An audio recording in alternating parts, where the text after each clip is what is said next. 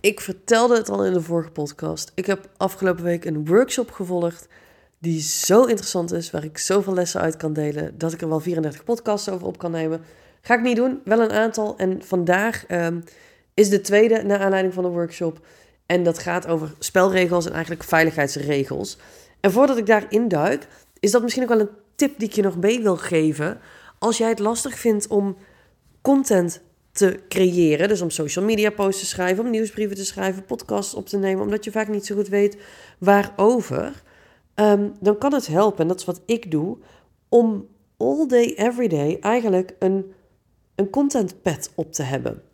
Bij bijna alles wat ik doe, bij alles wat er gebeurt, bij alles wat ik meemaak in mijn leven, check ik meteen af: is dit waardevol? Kan ik hier een ondernemersles uithalen? Kan ik hier iets over uh, inner work uithalen? Zit hier iets in wat ik kan delen met de mensen die mij volgen, zodat ik hun weer kan inspireren? Bij alles heb ik afgelopen week een reel gemaakt die ging over, over hoe ik een granaatappel ehm, de pitjes eruit stond te halen. Echt, ik, ik kan van bijna alles kan ik een social media post maken of, of een podcast maken. Nou, en die workshop van afgelopen week, die zat dus zo boordevol, daar kan ik nog heel veel over delen. Dus het heeft mij enorm weer geïnspireerd om, um, mijn, om, om mijn kenniskunde en visie met jou te delen en hopelijk jou te inspireren. Vandaag gaat het over ehm, spelregels en veiligheidsregels. En ik had het daar in de vorige podcast al over dat dat ingegeven werd, onder andere doordat mensen ongevraagd allemaal tips aan het geven zijn. Ehm, en dan mensen die deelnemer zijn en niet de teacher.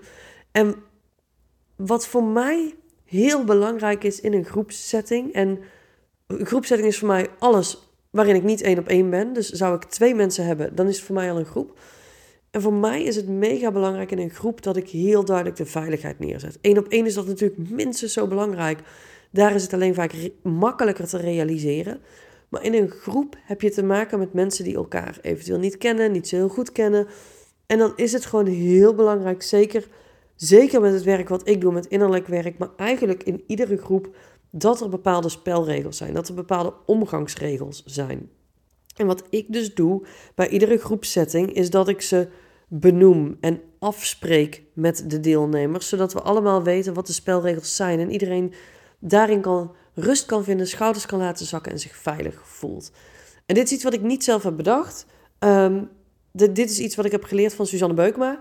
Zij is heel lang mijn mentor geweest en zij deed dit en dit was voor mij echt life-changing. En sinds dat ik dat bij haar heb meegemaakt, doe ik dat ook in mijn eigen groepen, omdat het zo waardevol is dat ik het niet kan maken, vind ik zelf, als ik het niet doe. En het zijn een aantal afspraken die ik met de deelnemers maak, um, die betrekking hebben op de omgangsvormen met elkaar. En de eerste die ik, uh, ja, de volgorde maakt niet uit. Dus het, het, kan zijn dat ik ze in real life niet op de volgorde doe die ik nu doe. Maar ik doe ze nu gewoon even hoe ze in me opkomen. De eerste is, alles wat hier gezegd wordt, blijft ook hier. En alles wat hier gebeurt, blijft ook hier. En dat, ik krijg vaak een soort van, ja, dat is toch vanzelfsprekend. Maar dat is het niet veel mensen die zeggen wel, het is toch vanzelfsprekend. Maar als er dan iemand in de groep is en jouw business buddy kent diegene ook, zijn we toch snel geneigd te zeggen, nou, die en die was er van de week bij, die vertelde toch een verhaal. Of die ging een proces in, nou was heftig hoor, wat er allemaal gebeurde. Het gebeurt heel snel en heel makkelijk dat we persoonlijke dingen van een ander per ongeluk delen. En ik weet, want de intentie is nooit slecht. Alleen het is gebeurd voordat je er erg in hebt. Dus de eerste afspraak die ik maak, is wat hier gebeurt, blijft hier. Zodat iedereen ook de veiligheid kan voelen van oké, maar als ik dadelijk heel erg moet huilen of ik moet uh, schreeuwen of, of ik wil een verhaal delen wat, wat super persoonlijk is, dan is dat veilig in deze setting. Ik vraag ook bij iedere, iedere punt wat ik noem aan iedereen of ze het ermee eens zijn. Dus ik wil handjes omhoog zien that everyone agrees um, met de spelregels. Dus de eerste is um, dat, dat weet het, alles wat hier gebeurt blijft ook hier. Nou, een tweede spelregel, en die vind ik mega belangrijk. En dat is er ook eentje die ik gisteren dus heel erg, gisteren van de week heel erg gemist heb in de, uh, in de workshop die ik deed. Is er is hier maar één iemand aan het werk. En wat dat voor mij betekent, is dat ik, als ik de groep draag, de enige ben die werkt. En in de praktijk ziet dat er zo uit dat niemand elkaar gaat lopen coachen. Ik werk met coaches en therapeuten en die zijn van nature heel erg geneigd om elkaar te helpen. En daarvoor ben jij als deelnemer niet hier. Jij betaalt mij om iets van mij te leren, om door mij begeleid te worden, om door mij um, geholpen te worden in jouw groei, in jouw proces, in jouw whatever, in je ondernemerschap, in je mens zijn. En jij hebt niet betaald dat andere mensen jou ongevraagd ook nog even gaan coachen. Maar dit is wat er dus heel, heel, heel vaak gebeurt in groepssettings. Zeker als er coaches en therapeuten bij zijn. Is dat we allemaal nog onze helperspet op hebben. En het is ook vet logisch. Want weet je, je bent een coach of therapeut omdat je de wereld graag mooier wil maken. Omdat je andere mensen graag wilt helpen. Dus dat is super cool dat het van nature zo in je zit dat je dat altijd doet. Alleen wat er vervolgens gebeurt, is als jij je aanmeldt als deelnemer voor een workshop, cursus, training, traject, I don't care. En jij zit daar met de intentie om er ook voor anderen te zijn, dan ben je er dus slechts verminderd voor jezelf. Ik ga die herhalen. Als jij bij een workshop, cursus, whatever zit met de intentie ook anderen te helpen, zit je daar niet volledig voor jezelf. En dat is veilig. Want iemand anders helpen met zijn shit is veel lekkerder dan je eigen shit oplossen. En ondanks dat we allemaal roepen dat we heel graag willen deep dive en heel graag onze patronen boven water willen halen en heel graag willen helen, willen we dat helemaal niet. Want heling is lelijk en doet pijn en is kut. En het is veel lekkerder om bij jezelf een beetje aan de oppervlakte te blijven. Maar iemand anders wel lekker te helpen. En dan het eind van de dag te zeggen: Nou, was zo'n waardevolle dag. Mijn ego heeft zo'n boost gekregen. Omdat ik er kon zijn voor andere mensen. Oh, toen ik dit of dat tegen die ene zei, daar waren ze zo blij mee. Nou, lekker dagje hoor. En ondertussen heb je nog steeds gefuk aan je eigen proces gedaan. En dit is wat er gewoon heel veel gebeurt. Dit is ook waarom ik heel veel, heel veel coaches en therapeuten coach en therapeut zijn. Dan hoeven ze namelijk hun eigen processen niet mee te dealen. Dan kunnen ze het lekker op een ander houden. Dus voor mij is het mega belangrijk. Eén, voor jou als deelnemer zelf, dat jij die ander niet gaat helpen. Maar ook voor die ander, want hoe veilig voel jij je als je erachter komt in een groep van 20 dat er nog 19 mensen zijn die jou ook heel graag willen begeleiden, maar waar je niet om hebt gevraagd. Maar die jou al begeleiden voordat je überhaupt de kans hebt gekregen om aan te geven dat je daar helemaal niet op zit te wachten. Het is zo verneukeratief, jongens, als, als deelnemers elkaar gaan lopen coachen. En Oh, daar wilde ik net nog iets over zeggen. Um, kak, wat was dat nou? Oh, ik zet hem heel even pauze. Heel even bedenken, want het was wel belangrijk. Ja, ik weet het alweer. lang even de pauzeknop. Um, dat op het moment dat jij als deelnemer binnenkomt bij mij... en wij spreken die spelregels af en ik zeg... oké, Ehm, er is er vandaag maar, ik wil met elkaar afspreken, er is er vandaag maar eentje die aan het werk is, dat ben ik. Ik ben hier de coach. Jullie hoeven allemaal niet te werken. Je kunt allemaal je coachpad afzetten. Jij hoeft vandaag voor niemand te zorgen, behalve voor jezelf. Echt, je voelt gewoon de rust in de ruimte komen. Je voelt gewoon schouders bij de meeste mensen zakken. Je voelt hoe fijn het is dat ze toestemming krijgen volledig te zijn en niks te hoeven doen. Omdat de meeste mensen altijd in de doe-modus staan. De meeste altijd in de, in de, in de savior-rol, in de reddersrol zitten. En dat maakt het ook nog eens extra belangrijk. Dat je dus echt in die overgave kunt en echt kunt in de oké, ik hoef hier niks behalve voor mezelf te zijn. Dus dat is de tweede spelregel. Wat de eerste, um, dat alles wat hier gebeurt blijft hier. En de tweede, er is maar één coach en dat ben ik. En die vind ik mega. Ik vind ze allemaal mega belangrijk, maar deze vooral vind ik mega belangrijk. De volgende die ik ook mega belangrijk vind en wat ik ook zelden tot nooit ergens zie, is er wordt hier niet getroost. En daar erroren heel veel mensen op, want hoezo dan? Maar met het werk wat ik doe, is de kans best wel groot dat er altijd wel ergens iemand breekt. Dat er altijd wel ergens iemand een proces inschiet. Dat er altijd wel iemand ergens iets te verwerken krijgt. En wij mensen zijn heel erg geneigd, als iemand begint te huilen bijvoorbeeld, dat we um, even een hand op een knie, even een, een arm om iemand heen, even een doos tissues onder iemands neus schuiven. En in basis is dit al vet interessant, want dit doen we alleen maar als iemand gaat huilen. Als iemand keihard gaat lachen, wat ook simpelweg een emotie is, jongens, dan, doen we dit, dan zeggen we ook niet tegen iemand: stil maar, komt wel goed. Dan doen we ook geen sussen en geen hier, hier. Of dan, ja, dan zetten we ook uit de tissues neer als het snot uit iemand neus gelachen komt. Maar dan hoeven we dit ook niet te doen. Maar op het moment dat iemand dus in een verdrietige emotie schiet, dan hebben we allemaal de neiging om iemand te gaan troosten. En dit heeft volledig te maken met je eigen ongemak. Dit heeft volledig te maken met dat jij dus blijkbaar niet kunt zijn met het proces van iemand anders. Alleen wat er gebeurt, beeld je even in dat jij degene bent die in die emotie schiet. Dus, dus er wordt een stuk geraakt in jou en jij moet huilen. Wat, ik weet niet of het met jou zit, maar ik vind het heel lekker als er iets geraakt wordt en ik moet even huilen. Want dan kan ik iets loslaten, dan kan ik iets doorwerken, weet je. Het, het, het, het is werk namelijk, het is heling.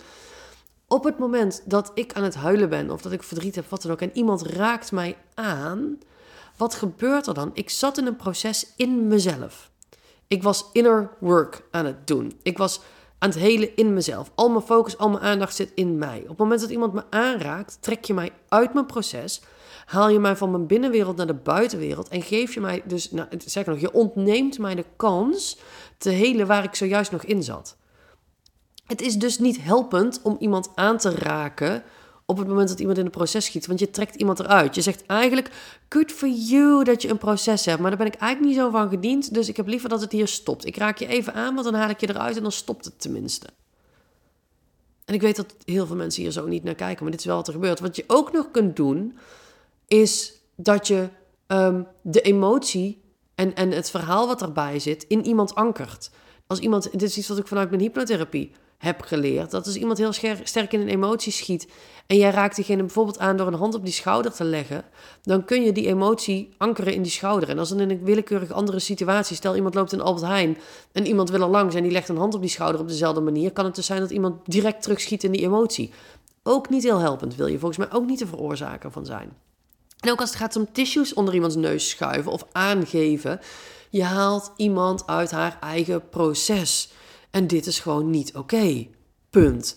Dus bij mij is het zo dat er wordt niemand getroost. Als jij oncomfortabel bent met het, met het proces van iemand anders, dan heb je werk in jezelf te doen, maar je laat die ander gewoon met rust. Komt die ander zelf heel bewust, kan iemand me vasthouden? Mag ik een tissue? Dan is het oké, hè? Of als iemand er helemaal doorheen is en dan wil je nog even iets bemoedigends of zo, dat is ook oké, maar vaak is het dan niet meer nodig. Maar deze is voor mij mega belangrijk. Er wordt niemand getroost. Er wordt geen ah, kuji kuji. Er wordt geen arm op een been. Er wordt geen, of geen hand op een been. Geen arm om iemand heen geslagen. Er worden geen tissues ondergeschoven. Totdat iemand zelf aangeeft dat ze daar behoefte aan hebben. En dan kan het.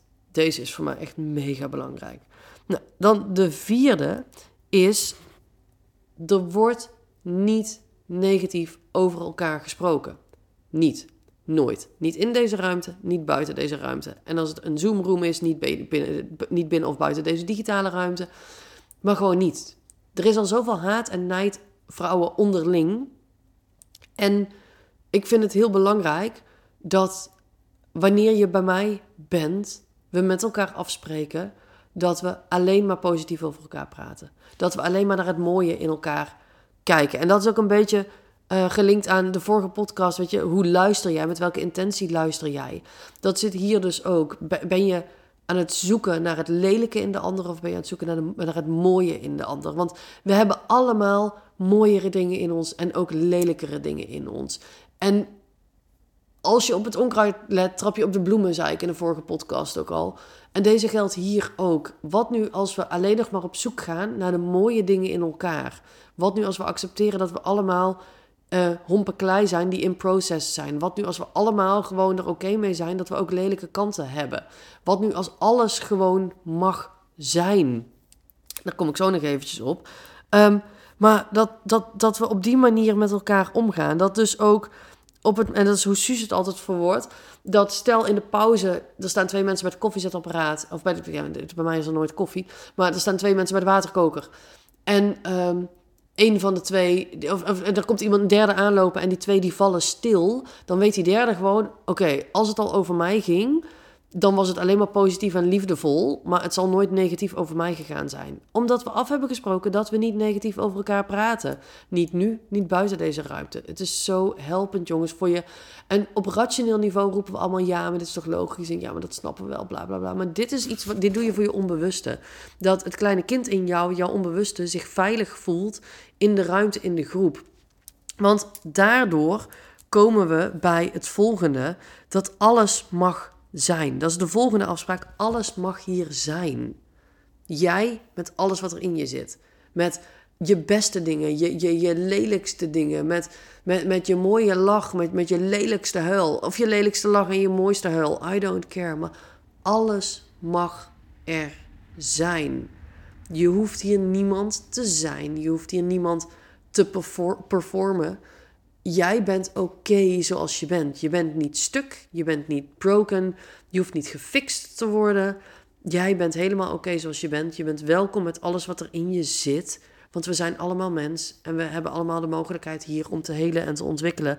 En dat kan alleen maar als we er helemaal zijn. Dus dat is ook voor mij mega belangrijk. Dat iedereen ook voelt, ongeacht wat hier gebeurt, ik mag dit laten zijn. Want we hebben met z'n allen, weet je, iedere afspraak is, is iedereen hiermee akkoord. Dus op het moment dat iedereen heeft gezegd, ja, ik ben ermee akkoord dat, dat van iedereen alles hier mag zijn. En bij jou komt er iets op waarvan je misschien denkt, ja, het is net niet helemaal de setting. Maar ja, we hebben afgesproken dat alles hier mag zijn, zodat het er ook kan zijn. Dus dit zijn de afspraken die ik altijd maak. Alles wat hier gebeurt, blijft hier. Er is maar één iemand aan het werk, er is maar één iemand aan het coachen en dat ben ik. Er wordt niet getroost. Er wordt niet negatief over elkaar gesproken. En alles van jou mag hier zijn. En geloof me jongens, dit, dit maakt zo'n enorm verschil in een groepssetting. En dit is, weet je, al gaan we de rest van de dag zitten vingerverven of, of, of, of, of punniken of kantklossen. Als deze regels al geschetst zijn van tevoren, hoeveel meer vrijheid denk je dat je voelt om iets te delen met een ander? Hoeveel meer vrijheid denk je dat je voelt om te zijn? Hoeveel meer vrijheid denk je dat je voelt om in een proces te gaan, zodat jij kunt helen? Dus weet als je met mij werkt in groepen, want groepen zijn spannend. Dat snap ik. Eén op één is veel veiliger. Daar kan ik ook nog wel een podcast over opnemen. Gaat er ook nog aankomen. Om te voorkomen dat deze, dat deze heel erg lang duurt. Want ik zie dat ik al 17 minuten onderweg ben. Maar op het moment dat je met mij werkt en dit is allemaal afgesproken, dan voelt zo'n groep opeens veel veiliger. En dan kun je dus ook dat proces laten zijn binnen die veiligheid van die groep. En dan ga je voelen dat de vrouwen die hier zijn, die zijn hier om jou te supporten. Die zijn hier om jou te dragen. Die zijn er voor jou. En die, die, die, ja, die zijn je cheerleaders. Het, het, het is gewoon, het is zo'n andere vibe dan wanneer deze afspraken niet zijn gemaakt. Of wanneer er mensen in de groep zitten die hier die niet luisteren, maar alleen maar hun eigen punt willen maken. Waar het in de vorige aflevering over ging. Dus dit. Weet dat dit bij mij is. En uncaged, um, daar is dit ook het aller, aller, allerbelangrijkste. Want uncaged is spannend. Uncaged gaat diep. Uncaged wordt oncomfortabel.